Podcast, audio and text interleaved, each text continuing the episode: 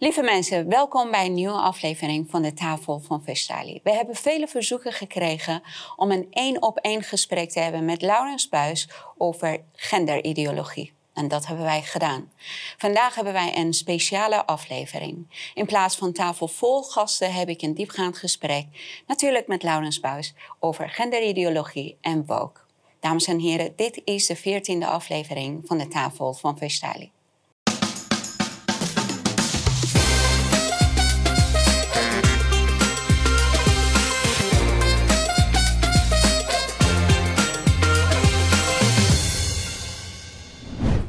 Laurens, Ja. hartelijk welkom. Dank je. Ik ben echt heel erg blij dat we vandaag dit gesprek met elkaar gaan voeren. Iedereen kent je, dus we kunnen gelijk beginnen met ons gesprek. Ehm, gender is voor mij een grijs gebied en ik ben oprecht geïnteresseerd om meer over te weten. Ja. Is het waar? Is het niet waar? Als het waar is, wat is de waarheid? Wat is de realiteit? En als het niet waar is, waarom wordt die zo groot gemaakt? Ja. Ehm, we kunnen kijken naar, eh, naar ons eerste fragment en dan kom ik bij jou terug. Jazz, I think we have another customer.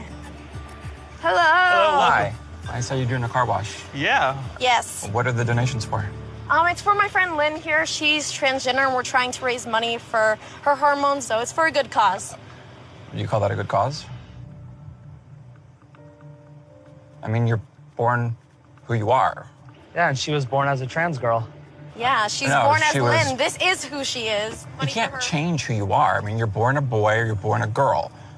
We are just living our lives as who we are. We love ourselves. We embrace who we are, and we You wish don't love that who you you could are. embrace You were born too. a certain way. You don't love who, how you were born, apparently. Don't tell me if I don't love myself, because I know who I love, not you. You don't, I because don't. you I don't. I think. I think you should go. I don't think you're I think I should welcome go here too. at this car wash. I wouldn't this give my money anyway. Zal ik beginnen met een klassieke vraag? Wat is het verschil tussen seks en gender? Nou, eh, we hebben dat verschil eigenlijk gemaakt. Hè. Vanaf de jaren 50, 60 is dat ongeveer in zwang gekomen. Niet zozeer seks en gender, maar meer seksen en gender. dus om het onderscheid te maken tussen... Nou, we zijn allemaal als man of als vrouw geboren. Maar we hebben ook te maken met mannelijkheid en vrouwelijkheid. En dat is eigenlijk meer hè, uit de cultuur, uit de geschiedenis... uit normen en waarden, uit sociaal gedrag... Dus er kwam op een gegeven moment, hebben we eigenlijk dat onderscheid gemaakt om een beetje zoals het, het, eh, verschil tussen natuur en cultuur. Van seksen is het natuurlijke deel en gender is, het, is de cultuurlijke kant, de culturele kant van, eh, van mannelijk en vrouwelijk. Dus zo, zo is het eigenlijk gekomen. Hè? En het was ook in de, eh, eigenlijk eh, toch wel een van de belangrijke argumenten van de tweede feministische golf. Hè, dus we hebben zo'n heel beroemd werk is geschreven van Simone de Beauvoir, wat wordt gezien als een van de grote feministen van nu. En zij heeft toen ook gezegd van, hè, we worden niet als vrouw geboren, maar we worden tot vrouw gemaakt. En zij zei dat vooral omdat we natuurlijk toen heel erg in die tijd... was toch het idee van je hebt het zwakke geslacht. Ja, dus wat heel belangrijk is om te beseffen... is dat we in het, in de vrouwen die werden gezien als het zwakke geslacht... als aangeboren zwakke geslacht. En dat had eenmaal zijn oorsprong ook weer in bijvoorbeeld ideeën over evolutiebiologie... Hè, die met Darwin waren opgekomen in de 19e eeuw. Eigenlijk door het observeren van mannetjes en vrouwtjes in de natuur... bij andere diersoorten kwam Darwin, was eigenlijk best wel seksistisch in zijn werk ook. Die zei ik van, nou, die vrouwtjes die hebben eigenlijk niet zoveel eh, toegevoegde waarde... Behalve dan voortplanting, daar zijn ze wel goed voor. Maar als het gaat over het spel van de overleving... hè, en, en de, de, de, de voortstuwende kracht van innovatie... en omgaan met uitdagingen daar... dat zijn toch vaak de mannen, zei hij. Dus die vrouwen die hangen een beetje erbij, dat vond hij. En zo is dat beeld ontstaan van je hebt een zwak geslacht... en dat zit al in de natuur vast, in de, in de, in de genen vast. Ja? En als reactie daarop is dus op een gegeven moment in de midden 20e eeuw door feministen dat concept gender geformuleerd. Van ja, maar wacht even. Wij zijn niet het zwakke geslacht geboren, maar wij worden het zwakke geslacht gemaakt. En wij willen naar een cultuur en een andere manier van omgang waarbij wij gelijkwaardig zijn aan mannen. Dus die, dat woord gender heeft veel te maken ook met dat feministische emancipatiegedachte. Oké, dus dat is eigenlijk dat ehm, je hebt ook tomboys dus eh, vrouwen die wat, wat meer gespierd en mannelijk zijn. Je hebt Ja. ook jongens die wat vrouwelijk zijn. En dat, dat is iets aangepraat. Is het, heeft dat met cultuur te maken, zeg je? Nou, ik, ik, ik ben hier zelf, sta hier weer anders in. Ik probeer een beetje aan te geven vooral eh, waar dat woord gender vandaan komt. En, en waarom het zijn nut heeft gehad. Ja? Ja, ja, ja. Ik vind het nu heel erg het probleem in deze tijd. Kijk, wat we zien met die hele woke-ideologie. Die, heeft, die praten de hele dag over gender. En daarin zit dat idee van, nou, eigenlijk jouw man zijn en jouw vrouw zijn, dat is eh, hè, helemaal cultureel bepaald. Dat kunnen we helemaal zelf bepalen. Die zitten helemaal aan die ene kant van, het, ehm, van, het, van, het, van de discussie, van het spectrum. Die zeggen bijvoorbeeld ook van op het moment dat ik eh, bijvoorbeeld op de Universiteit van Amsterdam de afgelopen jaren argumenten naar voren bracht van nou, we moeten als we mannen en vrouwen willen begrijpen, moeten we ook kijken naar hormonen en het lichaam en de biologie en de evolutie. Dat zijn toch, ik bedoel, ja, het is allemaal belangrijke dingen. Het is goed dat we wat oog hebben gekregen voor de culturele kant van het verhaal. Maar er zijn nog steeds een hele hoop dingen die ook gegeven zijn hè, in het verschil tussen man en vrouw. En het probleem met die woke-ideologie is dat, dat dat steeds meer taboe wordt. Als je dat opbrengt, dan word je beschuldigd van je bent een essentialist. Jij wilt het verschil tussen man en vrouw vastleggen in de natuur. En dat is slecht, want dan komen we weer terug bij dat, het zwakke geslacht. En ehm, hè, dus in die woke-ideologie hebben ze heel het vergrootglas gelegd op ehm, de maakbare kant van gender.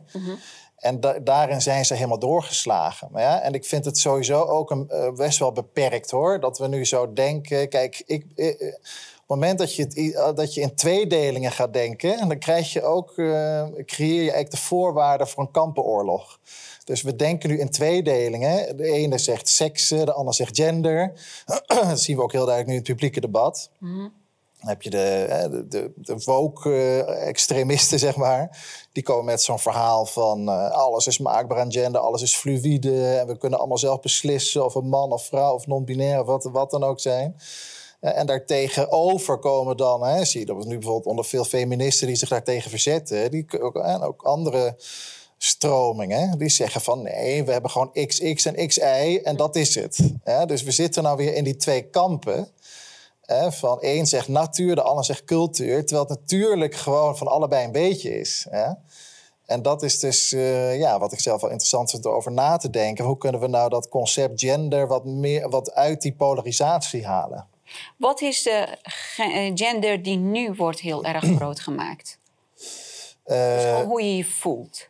Ja, dus we hebben eigenlijk, eh, zou je kunnen zeggen, is, is op een gegeven moment de afgelopen jaren steeds meer een discussie ontstaan over wat is nou eigenlijk een man of wat is nou eigenlijk een vrouw. En je ziet dus dat in de, in de literatuur, in de gender studies, is dus de stroming heel dominant geworden, die daar eigenlijk een heel bizar, ja, hoe zeg je dat? Zacht idee over heeft. Wat is een man, wat is een vrouw? Die zeggen eigenlijk, ja, dat is je genderidentiteit. En je genderidentiteit is hoe je jezelf voelt. Dus ja, als jij je een vrouw voelt of geen van beide voelt, dan doet het verder niet zoveel toe wat jouw lichaam erover zegt. Maar dan eh, ben jij dat. Ja? Dus dat is onderdeel van die woke-ideologie. Dat je dus eh, ja, dat er zoveel ruimte wordt gemaakt voor die zelfidentificatie. En, en dat er dus niet meer een rem op zit van oké, maar jij zegt dat wel, dat je dat ervaart. Hè? Maar is dat ook zo? Of ben je misschien in de war? Of hè, er zijn natuurlijk heel veel redenen hè, waarom een man zich een vrouw kan voelen. Of, hè, dus, dus we hebben, ik zeg altijd van, nou, je hebt heel duidelijk, is er altijd een groepje in de cultuur, in elke samenleving, die echt transgender is. Kunnen we het zo nog wel over hebben, maar dat is waarschijnlijk al in de embryonale fase ontstaan. Er zijn gewoon eh, een kleine groep ja, in het verkeerde lichaam geboren. Ja. Maar er zijn ook heel veel mensen die nu aanspraak maken op het idee dat zij trans zijn, die dat eigenlijk helemaal niet zijn. En dan kun je bijvoorbeeld denken aan mensen met een persoonlijkheidsstoornis of een trauma of eh, opgekropte homoseksualiteit of een moedercomplex. Ja. Hè, en, of een een of andere zieke fe- fetish.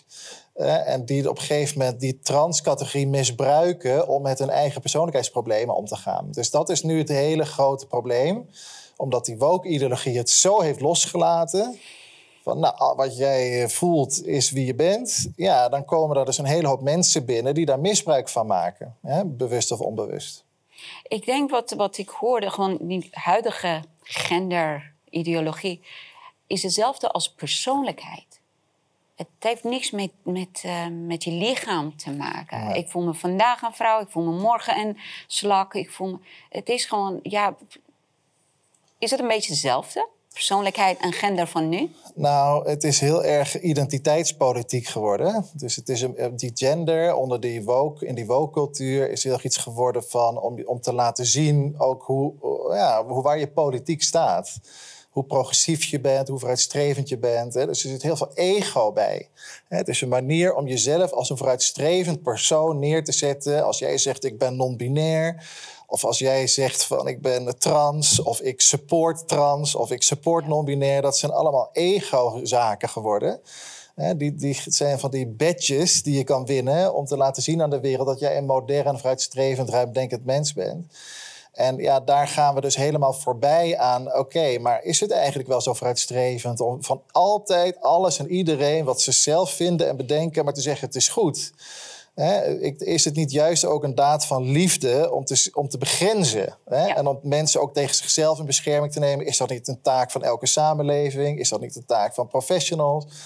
Om op een gegeven moment te zeggen van eh, we moeten mensen ook beschermen tegen zichzelf en tegen dat ze op een dwaalspoor komen. Ik, we zijn allemaal wel eens in ons leven op een dwaalspoor gekomen. Absoluut. Ik in ieder geval regelmatig dat ik helemaal in de ban was van iets en dat we daarmee bezig was. Nou, ik heb heel erg dankbaar voor mijn vrienden. Die, dat die altijd toch hebben gezegd: wat ben jij mee bezig? Dat er- je hebt van die vrienden nodig die zeggen: stop. En, en dat is nu wat er steeds minder gebeurt naar zo'n groep ja, woke-achtige types die dan helemaal met die gender aan de haal gaan. En niemand zegt meer stop in hun eigen bubbel. En als je het wel doet, dan eh, word je gecanceld. Het is een soort hype geworden. Hè? Het is een Ja. moderne eigenschap. Als jij het daar niet in meegaat, betekent dat je heel ouderwets bent, dat je Ja. het niet goed in je hoofd bent, dat je te conservatief bent. Maar eh, wat is genderdysforie?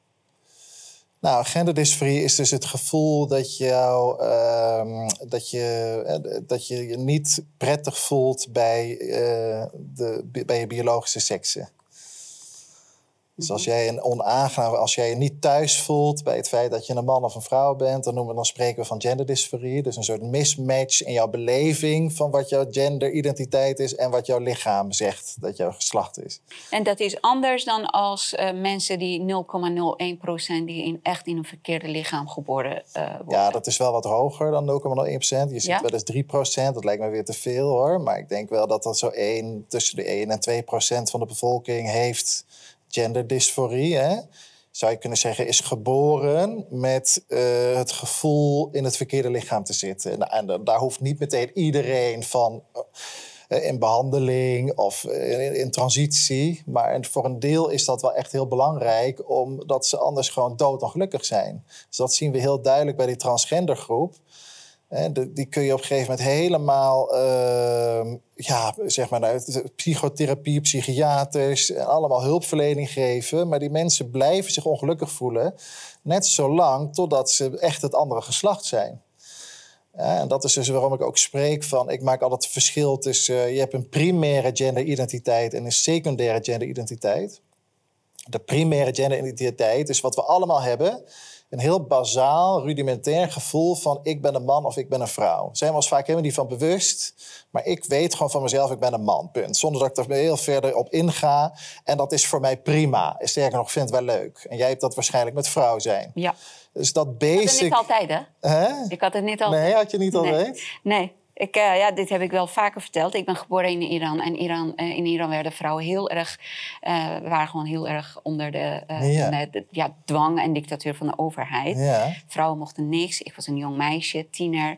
En ik zag, weet je, we mochten... Ik, heb- ik heb heel veel hierover in mijn boek geschreven. Ik, je mocht niet eens verliefd worden. Ja. En ik zag dat, eh, en we moesten met zo'n hoofddoek en zo lopen buiten. En dat was voor mij een droom om met mijn haar los buiten te kunnen lopen. En ik zag jongens, die hoefden geen hoofddoek op te doen. Ze mochten met een broek en een eh, overhemd buiten lopen. En toen dacht ik, oh jeetje, was ik maar een jongen. En ik had echt twee jaar gehad, twee, of misschien langer, dat ik echt droomde om een jongen te worden. Ja. En als ik toen die mogelijkheid Mhm. had op een eh, beetje makkelijke manier die nu mogelijk is, Had je misschien gedaan. zeker gedaan. Ja. Niet misschien, zeker. En dan was ik nu doodongelukkig. Ja, ja. Dan had ik Daar misschien nu gewoon zelfmoord. Ja. Dus hier zie je dan zo'n behoefte om van geslacht te veranderen, die dus niet van binnenuit komt. Wat we zien met mensen die echt genderdysforie hebben. Maar dat is dus meer de andere oorzaken. En. In een cultuur waarin die vrouwen heel, heel onprettig is om vrouw te zijn, bijvoorbeeld. Ja, kijk, dan moet je dus als professional moet je zeggen: luister, je hebt geen echte genderdysforie. Je hebt meer een ongenoegen. Je Ja. bent ontevreden met jezelf, met je. Met en je zit met jezelf in de knoop, met de omstandigheden. En dan is het tijd om naar een psychotherapeut te gaan. Of een psycholoog, of een coach of hulpverlening. Om je leven een andere draai te geven. En dat is dus nu ook waar een beetje mijn clash op de UvA vandaan kwam. Mhm. Dat ik dus ook zag dat steeds meer van mijn studenten eigenlijk, hè, vooral meiden, jonge meiden, die er gaan studeren. En die hebben het moeilijk, want ze zijn jong, vrouw en ze passen niet in die hokjes die van vrouwen verwacht worden. En ze, ze hebben vaak ook niet het lichaam, wat de ideale Ja. schoonheidsidealen. Hè? Van nu. van nu. Dus dan eh, zie je dus dat ze een enorme ongemakkelijke relatie met hun lichaam krijgen.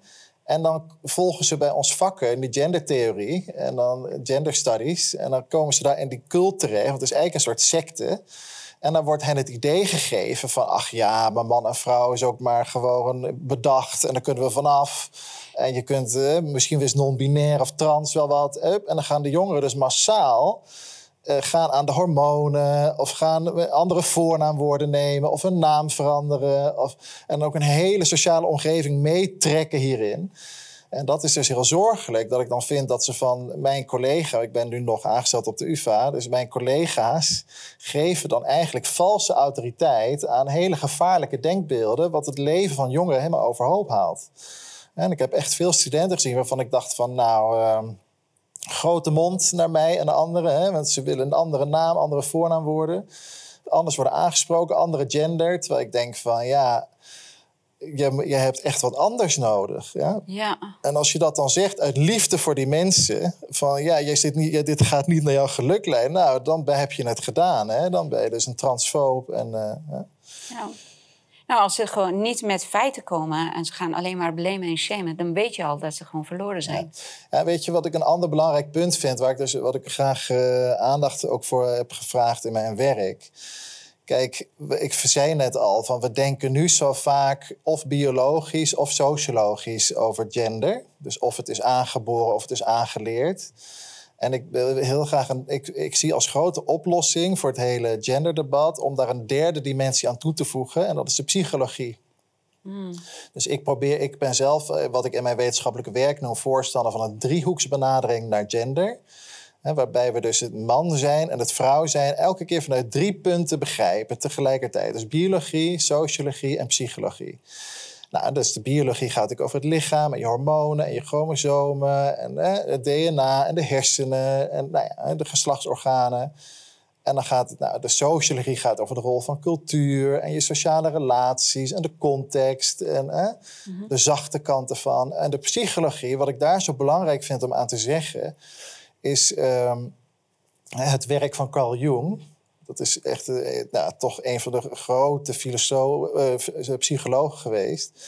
hè, die aan de basis heeft gestaan van de analytische psychologie. Die heeft ook, eigenlijk is het werk van Jung wordt nog steeds heel veel gebruikt in de toegepaste psychologie, dus in de behandelingen van mensen.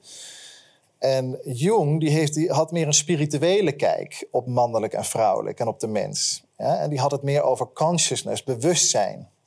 En die zei eigenlijk, wij mensen zijn allemaal samen, hebben we één, ja, wat hij noemt collectief bewustzijn. En dat is eigenlijk, ja, zou je dat kunnen zeggen, is een beetje mystiek iets. Wat is dat dan? Maar we zijn eigenlijk allemaal onderdeel van een groter bewustzijn, wat je eigenlijk ook wel God zou kunnen noemen.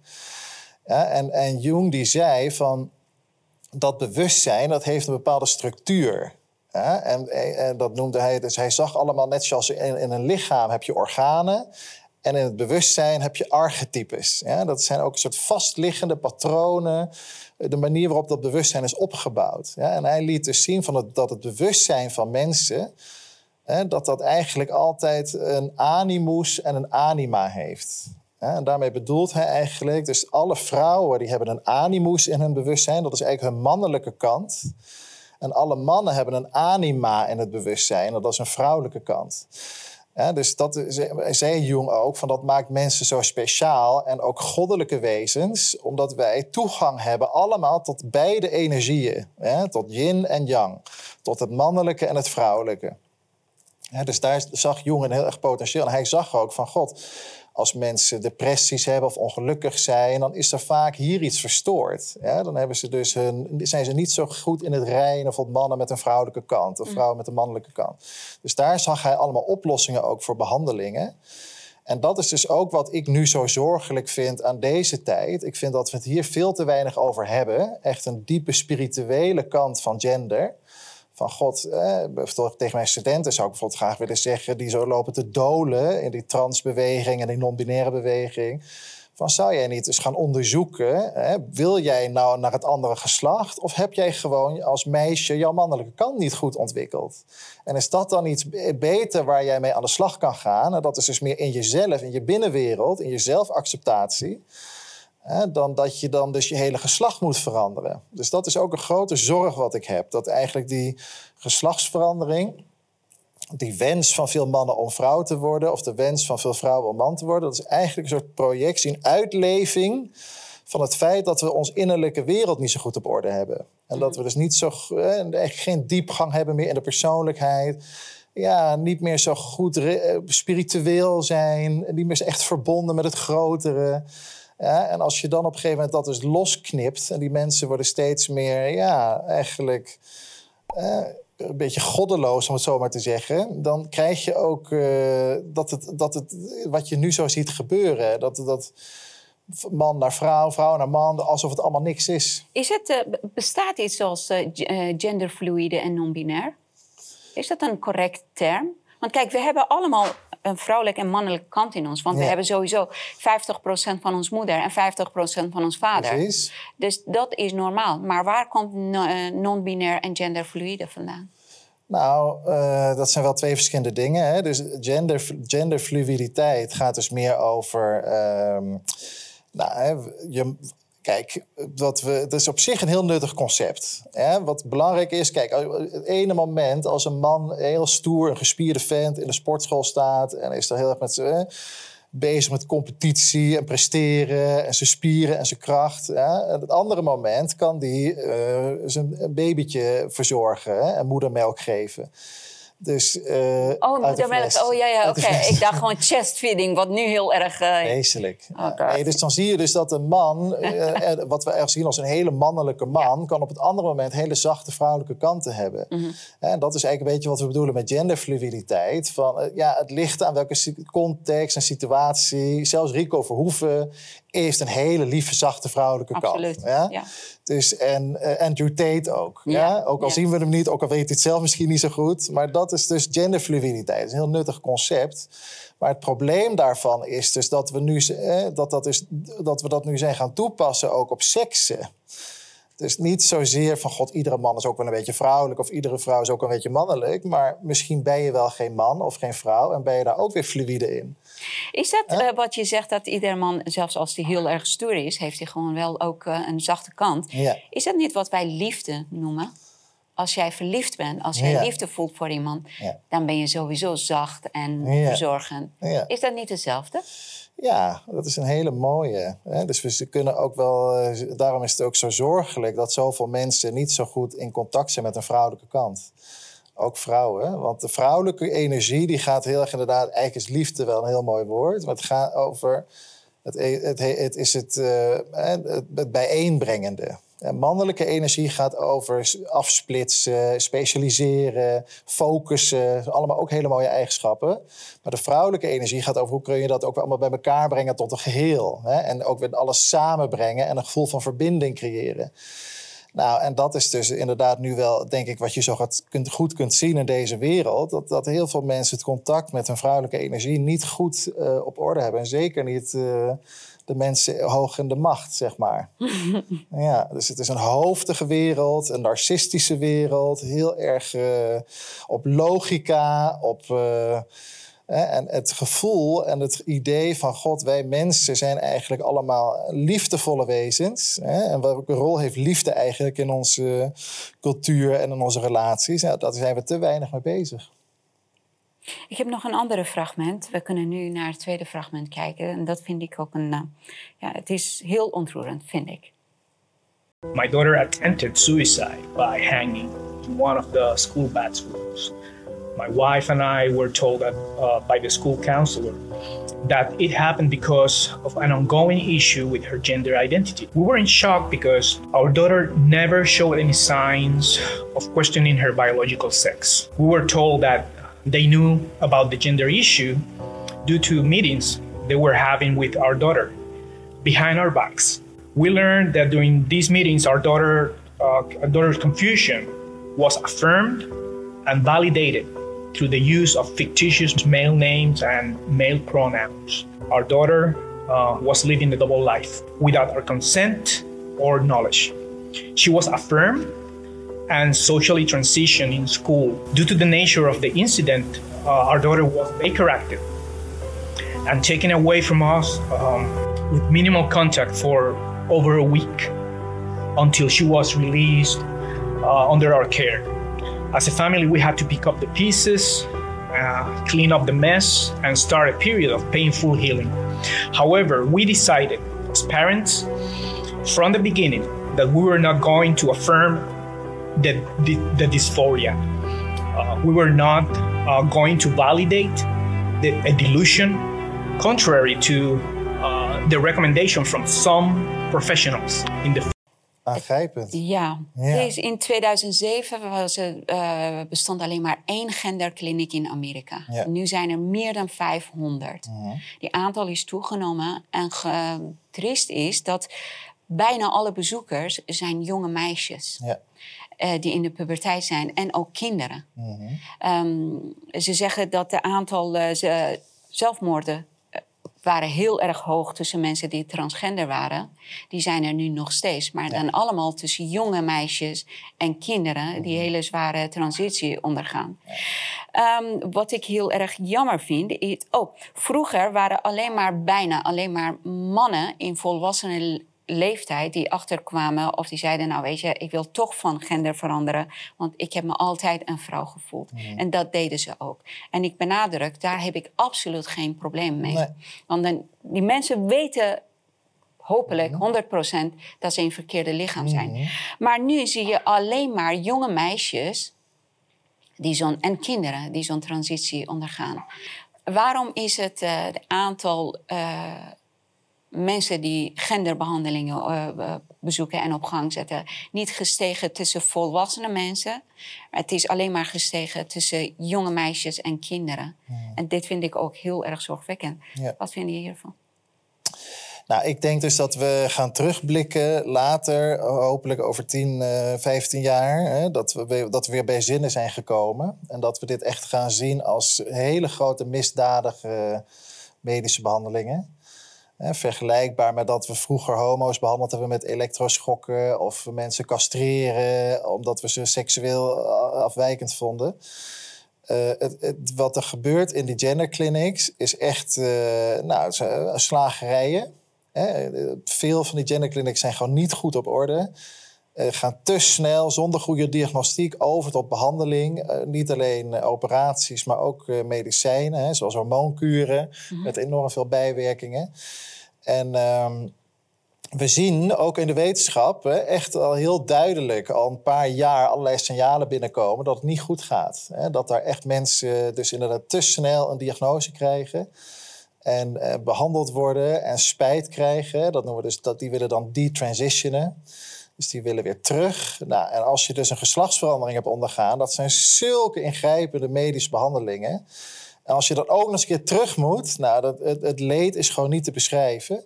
Dus hier gaat iets helemaal mis. En het schandalige is dat je hier dus niet over kan praten in de, kringen waar ik vandaan kom, in de genderwetenschappen, zonder dat je wordt weggezet als een transfoob. Hè? Dus je wordt, als je dus hier vragen bij stelt, van god, schiet dit niet helemaal door? En is dit nou wel de manier waarop we dit moeten doen? En worden we hier niet hè, jonge mensen in, in, eh, in ja, ook toch weer big pharma-achtige trajecten gestopt? Want natuurlijk de farmaceutische industrie die verdient hier lekker aan. Hè? Dat gaat ook over, over miljarden. Dus, eh, maar die vragen kun je dus heel moeilijk stellen, omdat je dan beschuldigd wordt van transfobie. En nogmaals, dat wil ik dus ook iedere keer benadrukken. Ik weet dat er een klein groepje is voor wie dit soort behandelingen echt heel goed zijn en nodig zijn. Het is fantastisch dat er zoiets is als een genderclinic. Hier op de Vrije Universiteit ben ik ook vaak uh, geweest om te kijken hoe die artsen te werk gaan. Nou, dat is, daar heb ik echt wel een hele goede professionele indruk. Dus het is niet overal kommer en kwel. We moeten er niet helemaal vanaf. Mm Maar de intake moet veel beter. En, en ja, er wordt echt veel beter het kaf van het koren gescheiden worden. En zeker als we de, hè, want nu zien we toch, er is een hype. Ja. Ja, uh, hoe kunnen we dit dus, uh, en zeker de jonge meiden, uh, hoe kunnen we die redden van, van deze? Het is toch weer een soort cult waar ze in terechtkomen. Hè? Jonge meisjes, of gewoon onze tieners die in de puberteit zijn, die willen weten wie ze zijn. Ze ja. willen niet in, in de war worden gebracht. Nee. En dat is wat nu gebeurt. Ehm, wie was John Money? John Money was een van de, ja, ook een, socioloog, seksuoloog. En hij heeft het concept uh, gender uh, bedacht. Dus het is in de jaren 50, rond 1950. En uh, het, is niet, het is wel eerder hoor, genoemd. Het komt niet helemaal van hem. Hij is toch wel degene die het concept groot op de kaart heeft gezet. Ja, en weet je wat het met hem is? En dat is toch waar de genderwetenschap ook... Uh, ja, die zal toch uh, zichzelf op een gegeven moment vroeg of laat in de spiegel moeten kijken. Want die John Money, dat was geen onschuldig persoon. Ik zie hem als een crimineel. Ja, kun je uitleggen waarom? Uh, wat hij gedaan heeft met die tweeling. Ja, vertel. Ik heb die verhaal gehoord. Dat waren tweeling jongetjes. Ja. Die moesten besneden worden. En die apparaat was verkeerd uh, ingesteld. Dus uh, bij de eerste jongen, uh, de piemel was helemaal verbrand. Dus de piemel was helemaal weg. En die ouders waren jonge Canadezen stel, die wisten niet wat ze moeten doen met een jongen. En dan zagen ze toevallig John Money op televisie. En die zei, ja, weet je, wie je bent... heeft eigenlijk helemaal niks met je chromosomen te maken... maar met hoe je opge, opgevoed wordt. En die twee wanhopige ouders zijn naar hem toegegaan en die zeiden: Nou, weet je, we gaan jullie uh, zoon opereren. We geven hem een andere naam en ook andere geslachtsdelen. Maar jullie moeten never nooit tegen hem ja. zeggen wie hij, dat hij als een jongen geboren is. Ik kreeg ja. ook een andere naam. Maar ja, hij was altijd on, ongelukkig. En uiteindelijk heeft hij nou toch op, op zijn uh, 16, 17-jarige leeftijd. Uh, die ging zo mis dat de ouders moesten tegen hem zeggen wat er gebeurd was. Ja. En hij wilde weer teruggaan naar uh, jongen zijn. Dat heeft hij ook gedaan. En uiteindelijk hebben beide broers uh, zelfmoord gepleegd. Ja. Omdat ze het echt niet meer aankonden. En die John Money, ze moesten ieder jaar bij hem op bezoek gaan. Uh, en hij wilde het hele proces uh, in de gaten houden. Maar hij maakte hele verkeerde of foute verslagen van hoe het ging. Ja. Hij heeft het helemaal groot gemaakt. Dat oh, het loopt perfect, het loopt goed. Terwijl dat het helemaal niet zo was. Ja, dat is echt uh, een soort pseudowetenschap, hè? Ja. Dus uh, heel gevaarlijk en ook een mislukt experiment. Wordt nu toch ook breed erkend ja. dat dat echt niet goed is gegaan. En zeer onethisch uh, uh, wetenschappelijk gedrag is geweest. Dus kijk, en het probleem is, wat ik zo zorgwekkend vind... is dat dit incident niet heeft geleid tot een soort grote zelfreflectie bij genderwetenschappers van god, uh, slaan wij niet door. Hè? Dus het is nogmaals heel goed en leuk dat je bedenkt dat er een sociale kant zit aan mannen en vrouwen. Natuurlijk is het zo dat hè, de cultuur waarin je opgroeit, je vertelde net ook met jouw verhaal, heeft invloed op hoe jij je man zijn en je vrouw zijn invult. Maar het slaat natuurlijk door op het moment dat je zegt, het lichaam doet er niet meer toe iedereen kan bedenken dat het lichaam altijd belangrijk blijft. Ik heb het net gehad over ons bewustzijn. Daar zit ook een mannelijke en een vrouwelijke kant in ons bewustzijn. Die gaan niet weg, die zijn er. Dus man en vrouw, en mannelijk en vrouwelijk, dat zijn twee elementaire bouwsteentjes van ons bestaan. En daar zullen we ons toe moeten verhouden. En het feit dat er een hele kleine uitzondering is met genderdysforie en die transgender zijn, betekent niet dat je de hele meerderheid moet vermoeien en verwarren met het idee dat oh, misschien ben je niet helemaal een man of een vrouw of wil je er lekker tussenin gezitten. En sterker nog, het wordt nu gebracht als een nieuwe stap in de emancipatie. Klopt. Het is goed als jij niet meer helemaal man of vrouw bent. Nou, ik vind dat heel zorgelijk, want wij mensen hebben een oriëntatiepunt nodig. Hè? De wereld is continu in verandering. Er is, heel, er, moet, er is al heel veel ontnomen bij mensen. Het nationalisme is minder belangrijk geworden. Religie is minder belangrijk geworden. De wereld verandert supersnel. We moeten ons continu verhouden tot allerlei veranderingen. En dan mogen we ook niet meer man of vrouw zijn. Hè? Terwijl dat is toch gewoon een hele elementaire, belangrijke, fundamenteel bouwsteentje. Ja. Ja, dus dat vind ik het zorgelijke, van dat dat kleine groepje transgenders wordt gebruikt om een hele hoop verwarring te zaaien voor mensen bij wie er helemaal niks mee te maken hebben. En waarom hebben ze zo gemikt op onze kinderen? Nou, ja, ik weet, dus weet je dan een moeilijke vraag, want wie is ze natuurlijk? Hè? En waar, waar blijkt dat uit dat ze het gemikt hebben op onze kinderen? Ik, heb- het is wel zorgelijk, vind ik, dat je ziet dat als dat maakbare denken over gender steeds meer zijn weg vindt naar voorlichtingsprogramma's op scholen. En dat, we hebben natuurlijk die lentekriebelweek. Hè, toch ook op de basisscholen worden kinderen toch al eh, lastig gevallen, vind ik, met te complexe verhalen over gender. Ik zou het op de basisschool wel genoeg vinden om met kinderen te bespreken. Nou, je hebt jongetjes en meisjes. En sommige meisjes zijn wat mannen, eh, vinden jongensachtige dingen leuk. Ja. Sommige jongens vinden meisjesachtige dingen leuk. En nou ja, dat is het dan wel even genoeg. En dan kun eh, kun je misschien zeggen, het is ook een heel klein groepje in het verkeerde lichaam geboren, maar daar hebben jullie niks. Dat is genoeg. Maar dan heb je hoe het op dit moment wordt gebracht. Dus kinderen wordt zelf eigenlijk aan het twijfelen gebracht. Hè? Van god, ben jij wel een jongetje? Misschien Ja. verandert het wel voor jou later. Dus kinderen die helemaal niet zelf van binnenuit in verwarring zijn, wordt toch het idee, wordt eigenlijk verwarring gecreëerd. En ehm, ja, dus daar zit, daar zit wel iets op die kinderen inderdaad, waar ik me ook wel zorgen over maak. Hè? En ehm, ja, ik, ik, ik, ik maak me zorgen over dat eh, transhumanisme. Hè, dat is volgens mij toch een agenda die hierachter ligt. Ja, als ik er met een complothoedje naar kijk, hè, dan zie je toch dat die, eh, heel veel van dat genderdenken ook wel wordt eh, van, door die grote supranationale instituten wordt gepusht. Hè, bijvoorbeeld ook weer die Sustainable Development Goals van de Verenigde Naties. Maar ook de Bill en Melinda Gates Foundation. Die hebben ook zo'n heel gender, family planning-achtige tak. Waar ze heel veel subsidies en geld geven naar dit soort projecten. Je hebt in Nederland heb je Rutgers, WPF. eh, eh, en je hebt SOA AIDS Nederland. En je hebt het COC.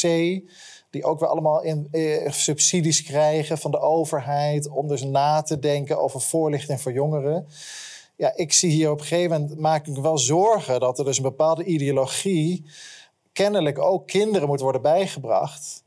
eh, om dus heel jong verwarring te zaaien. Hè, en ik zie het uiteindelijk ook als een manier om eh, ja, toch kwetsbare kinderen ehm, ja, ja, toch wel ook in gevaar te brengen. Ja? En ook om, ehm, om, om. Het is zo belangrijk voor kinderen dat zij weten: ik ben een jongetje of ik ben een meisje. Ja. En dat is oké zoals het is. Dus het is ook, kan ook een manier zijn om mensen in verwarring te brengen. En ook weer makkelijker te overheersen en te domineren. Het lijkt of onze hele onderwijs en media eh, hiermee bezig is. En ze, ze laten het alleen maar, ehm, ze pushen het alleen maar. Bij mij zit het zelfs als jij hormoonblokkers neemt of andere hormoonblokkers, Ja. dan zijn die medicijnen continu in gevecht met je lichaam. Want je hebt sowieso of XX-chromosomen of XY-chromosomen. En als jij een hormoon krijgt die dat anders moet laten overkomen, dan is, dan is het in jouw lichaam een constante gevecht tussen die hormonen en je echte bouwsteen, wat je zei. Ja. Is dat niet slopend voor lichaam van een kind? Natuurlijk. Natuurlijk is het slopend. Dus als we het hebben over. Kijk, we hebben, eh, als het gaat over die hele transitiebehandelingen, die transgenderbehandelingen. Nederland die heeft zichzelf op de kaart gezet, internationaal, al jaren. Met dus wij gaan transgender jongeren zo vroeg mogelijk behandelen. Dutch protocol. Het Dutch Protocol. Hè? Dus dat is al vanaf 12 jaar kunnen dus kinderen in Nederland eh, hormonen krijgen toegediend om dus die puberteit de andere kant op te sturen. Nou, en dat werd dan verkocht met het idee van ja, dan is toch, eh, als we er voor de puberteit ingrijpen, dan kunnen we dat lichaam toch makkelijker de andere kant op sturen. Hè. Dat, eh, veel transgenders die later van geslacht veranderen.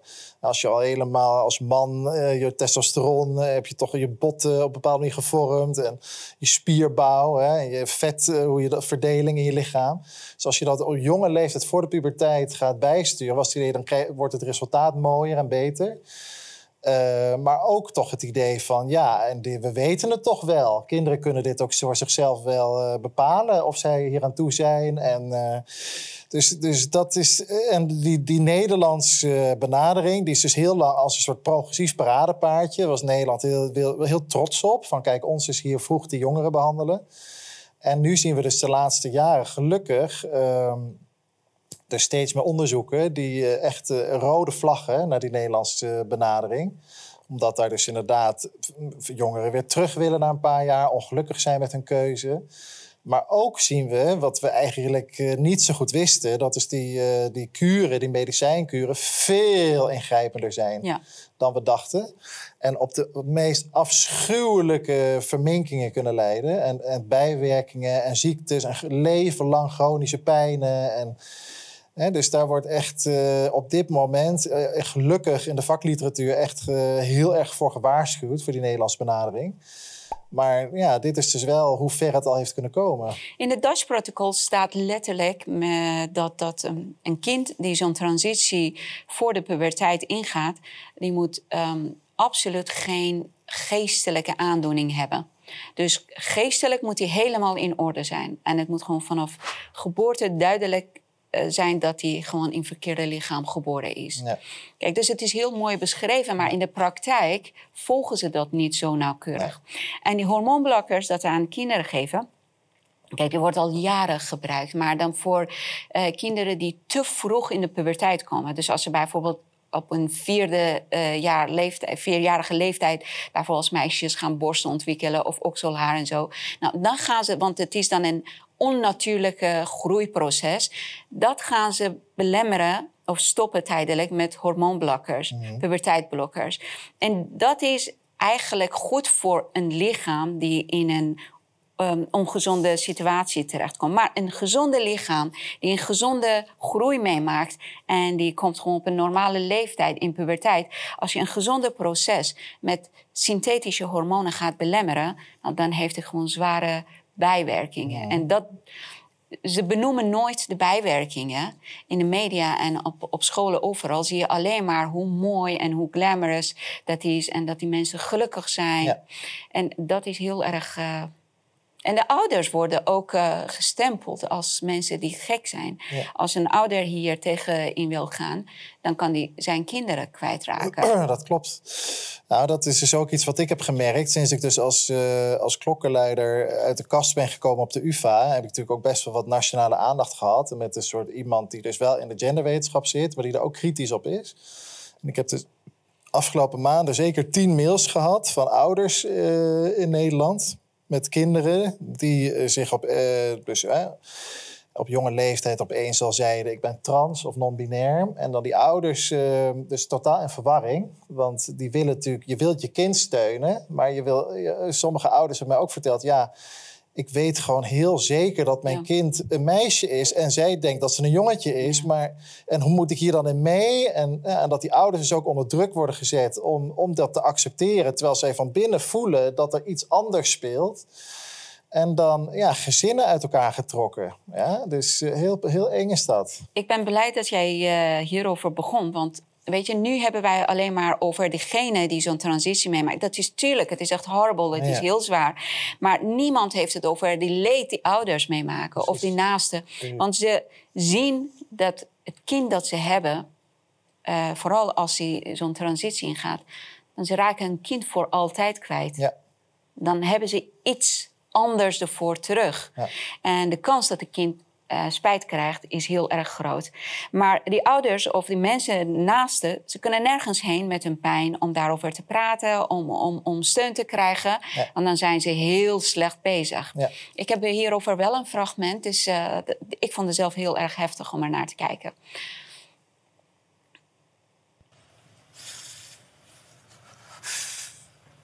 Ah, ja. Ken je dit? Ja.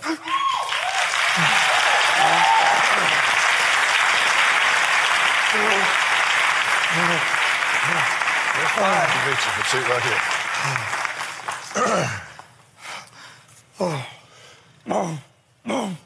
Tell me what you're thinking and feeling right now, Gary. I'm hurt bad.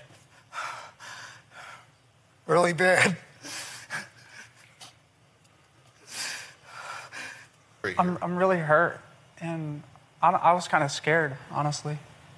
Just seeing his reaction, how I don't know if it was anger or if it was just upset. Ja, Wat kunnen ouders doen?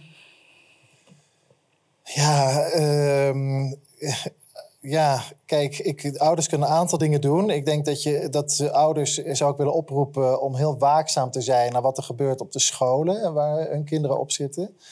En ik zou echt informatie opvragen over wat er wordt gedoseerd aan kinderen op basisscholen over gender. en ik zou ehm, protest aantekenen als je het idee hebt dat daar dus eh, te, te ideologische dingen worden gepropageerd. Dus dat vind ik heel belangrijk, dat ouders in het hele land in verzet komen via ouderraden of verga- ja, desnoods maar de directeur van de school bellen. om je hier tegen uit te spreken. Hoe meer we dat samen zullen doen, dan worden we ook, kunnen we ook steeds minder worden weggezet. Als transfoob of als conservatief of extreem rechts. Want dat is natuurlijk vaak het labeltje wat je krijgt. Deze man natuurlijk ook. Ja. Hè? Die wordt dan gezien als een transfoob. Klopt. Terwijl dit, eh, ja, is natuurlijk veel te makkelijk. Ik weet, weet helemaal niet wat hier speelt. eh, waarom hè, die zoon nu een vrouw wil zijn. Wat de of dat legitieme redenen heeft of niet. Dat we, we weten er eigenlijk heel weinig van. Maar je ziet dan ook bij zo'n Dr. Phil in zo'n show. Ja. Ja, het publiek eh, moet eigenlijk voor die transpersoon zijn. En die man is slecht. Ja. Dus dit is voor ouders, lijkt me dit heel moeilijk. Maar er is gelukkig zijn er in Nederland ook wel goede professionals.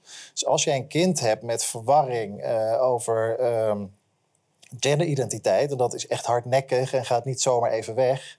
dan zou je dus wel naar een, een professional kunnen gaan... die ook verstand heeft van... eh, ja, bij wie is het wel een authentieke wens om te veranderen en bij wie niet? Hè? En, en wat kun je dan doen als er toch iets anders speelt? Als kinderen bijvoorbeeld vroeg in de puberteit opeens zeggen ik ben non-binair of transgender.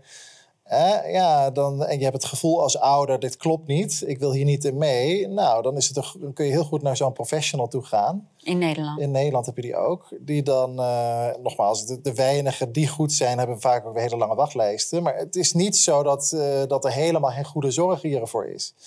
Hè, en dan zou zo'n professional samen met die ouders en zo'n gezin kunnen kijken van, nou, wat speelt hier nou eigenlijk achter? Hè, het wordt, er wordt nu iets uitgevochten over gender. Maar kennelijk is er iets anders in het gezin wat niet besproken wordt. Ja? En dat is dus, eh, ja. Hoe kun je die familierelaties herstellen? Want daar gaat het uiteindelijk om. Kunnen ouders gewoon aan het begin van het schooljaar duidelijk aangeven per mail of per brief of in een gesprek aan school dat ik wil absoluut niet dat mijn kind ehm, meegenomen wordt in de hersenspoeling of in de. Kunnen ze dat? Is dat niet strafbaar? Nou, kijk, er is, eh, die scholen, die, die, eh, ze moeten wel wat dingen doen. Hè? Dus die scholen die committeren zich aan het, aan het ministerie van Onderwijs... aan een soort, eh, dat ze leerdoelen eh, formuleren... en over bepaalde onderwerpen, eindtermen en zo. Dus scholen moeten wel iets doen met seksuele voorlichting en met gender. Dat hoort, hoort bij het curriculum. Maar het is de manier waarop ligt eigenlijk helemaal open. Ja, dus scholen kun je heel goed onder druk zetten om, om in ieder geval, je zou kunnen zeggen van nou, eh, zet eens een werkgroep op, op de school, of eh, waar je ook wat ouders bij betrekt. En dan van alle geluiden, dus er mogen hele progressieve, pro, transgender, non-binaire mensen in, maar ook hele kritische. En kijk eens of je samen consensus kan bereiken over hoe je dit eh, vorm zou willen geven. We moeten hier echt inspraak op eisen, want dit gaat niet goed zo. Hè? De, lespakketten die aan die scholen worden aangeboden, dat zei ik net al, die komen van bedenkelijke organisaties met financiën erachter, die duidelijk een bepaalde ideologie willen pushen. Dus het is belangrijk dat we daar wat tegenover zetten. En nogmaals, ik zou iedereen dus willen oproepen: sla in je kritiek niet door in niemand is meer transgender. Nee, er is een klein groepje transgender. Het is ook niet zo dat alle genderclinics weg moeten. Nee, er zijn echt wel jongeren die hiermee geholpen zijn. Hè. Dus hou die nuance ook vast. Ook als je gaat klagen naar je school. Wij willen kinderen best leren over LHBTI.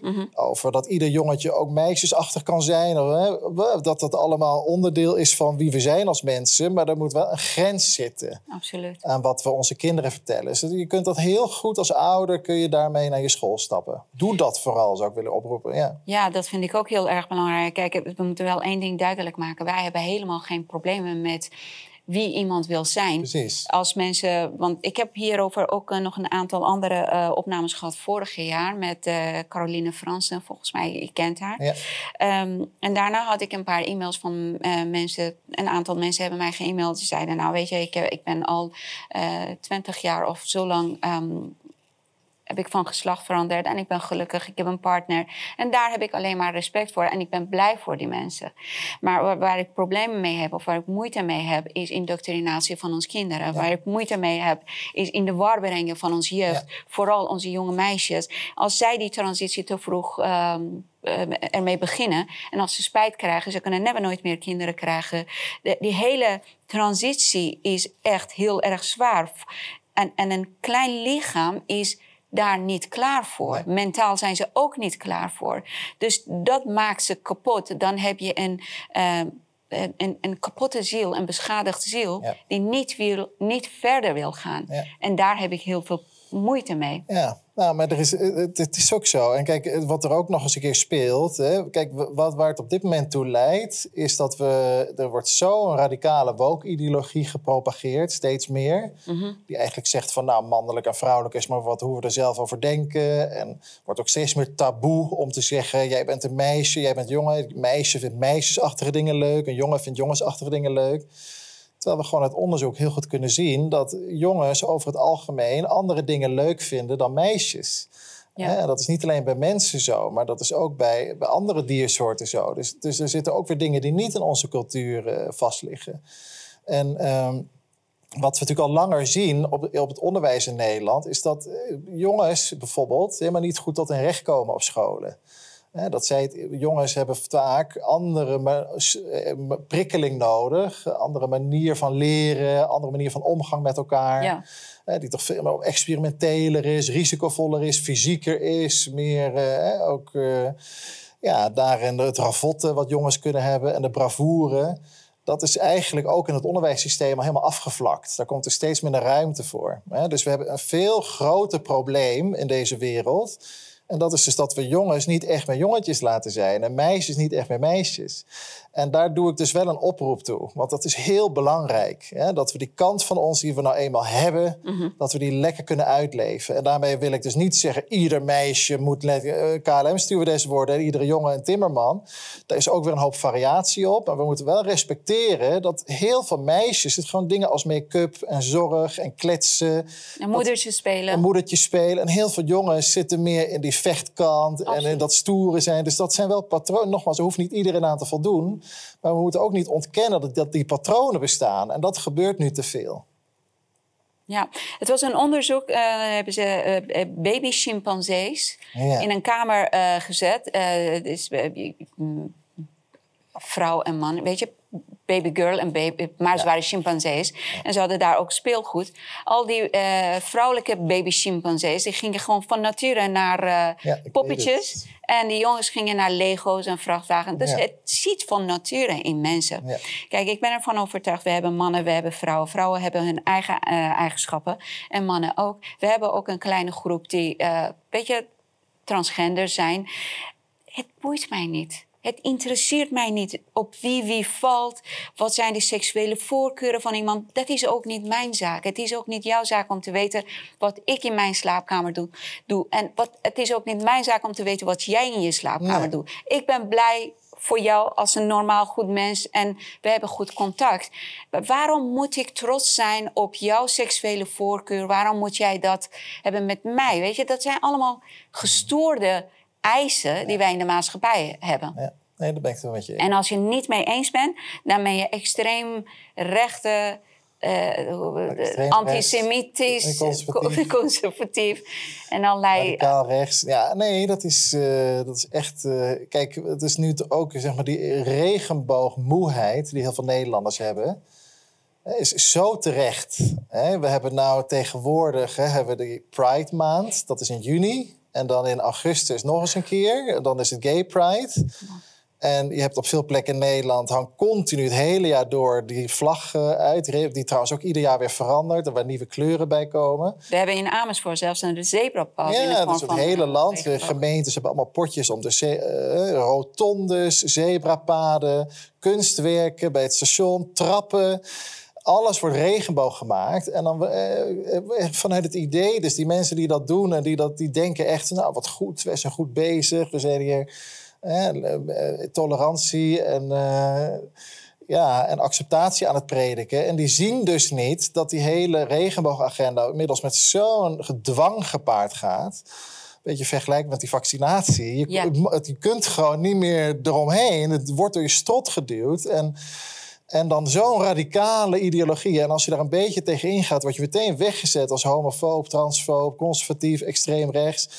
Ja, op deze manier is het gewoon, wordt het een totalitaire ideologie. Ja, en dat is dus, ehm, vind ik zo interessant aan deze tijd. Hè, dat we altijd, we associëren natuurlijk totalitaire ideologie nou, met Hitler bijvoorbeeld. juist heel erg in ras en traditioneel gezin en discriminatie naar minderheden. En nu zien we dus dat de tegenovergestelde filosofie eigenlijk gaat domineren. Ja. Hè, die juist heel erg dat regenboogdenken propageert. En dat lijkt dan dus, ja, het is een perfecte wolf in schaapskleren, want het lijkt dus open-minded en tolerant. Maar er zit precies dezelfde soort dwingende, agressieve, autoritaire energie in als in die nazi-ideologie. Ja, dus daarom vind ik het echt niet overdreven. Ik heb daar veel eh, eh, heat voor gepakt op social media. Je gaat nu vaak zo'n plaatje rond dat vier van die regenboogvlaggen Ja. in elkaar zijn geschopt en dan zie je dus dat hakenkruis. Ik vind dat dus heel treffend en heel belangrijk om dat beeld te laten zien. Van kijk, nu wordt die regenboogideologie totalitair.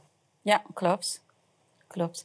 En het grappige is dat als ik gewoon ergens een tegen, eh, regenboogtekentje zie, dat is voor mij dan gelijk een associatie met, weet ik veel, LHBT, dat.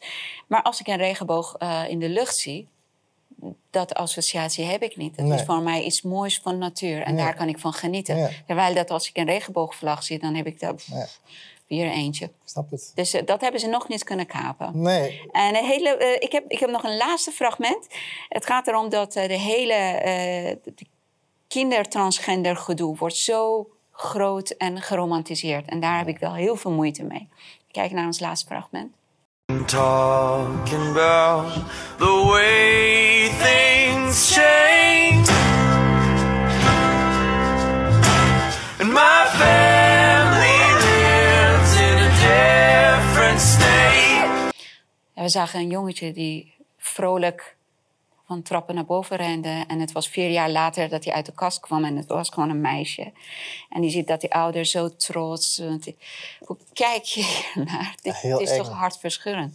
Ja, dit is heel eng. Hè? En daar zie je dus weer dat eigenlijk een hele zieke ideologie wordt gepropageerd met, eh, achter zo'n vriendelijk gezichtje. Dus het, het oh, kijk eens, wij zijn accepterende ouders, voor ons kan alles, eh, wij zijn niet meer traditioneel. Ze zijn zo goed. Het lijkt allemaal zo van, hè, dat is dus het gevaar hiervan. Hè? Het, mensen denken echt dat ze goed bezig zijn.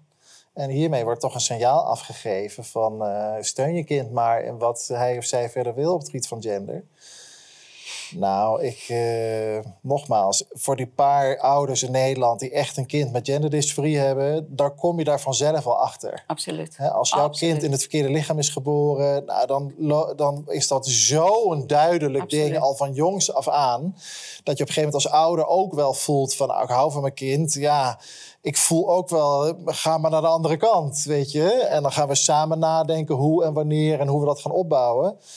Hè, dus dan, nogmaals, daar niks tegen. Maar ehm, dit, dit is heel eng. Want het, het, het heeft geen enkel oog voor de complexiteit en voor de risico's en voor de doorgeslagen genderideologie. Ja, gevaarlijke propaganda. En wat wil je doen als, eh, als je kind volwassen is en die zegt: Nee, dit was niet wat ik wilde? Ja. Nou, dat is dus, dat is, eh, ik vind ook dat daar ook veel meer aandacht voor mag komen in de nationale media. En die voor die verhalen, want die zijn zo schrijnend. Ja. En dit is ook het formulier die mensen moeten gaan invullen als ze college gaan, college gaan volgen bij Radboud Universiteit. Ik zag het en ik dacht dat het een gefotoshopt ding is. En toen zei je, nee, dit is eh, echt... eh, Zo gaat het nu. is dat alleen bij eh Radboud of overal? Nou, dit is wel steeds normaler aan het worden.